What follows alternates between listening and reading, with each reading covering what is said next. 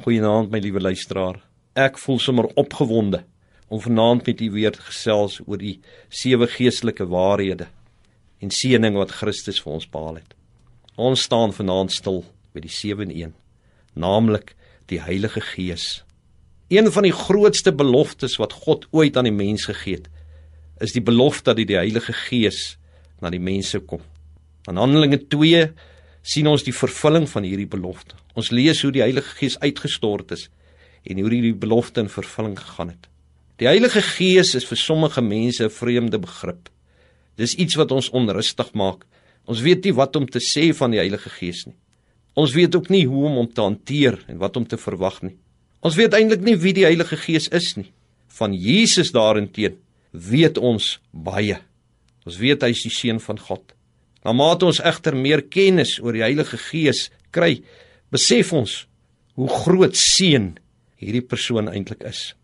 Ek noem hom 'n persoon omdat hy die derde persoon in die goddelike drie-eenheid is. Hy is die persoon wat gestuur is om Jesus uit te lig.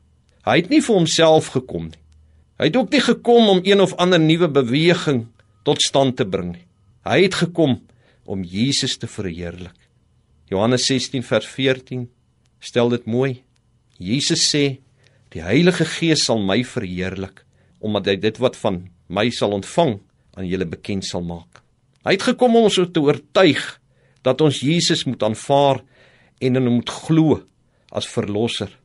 Johannes 16 vers 8.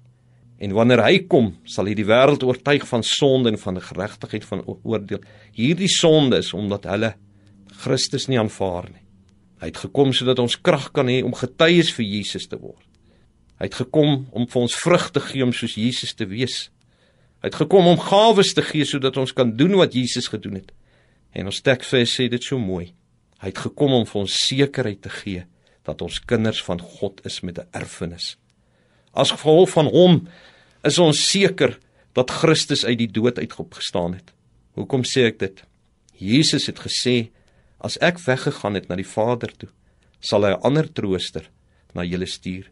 Toe Jesus opgevaar het na die hemel, het hierdie belofte in vervulling gegaan en het die Heilige Gees na die aarde gekom.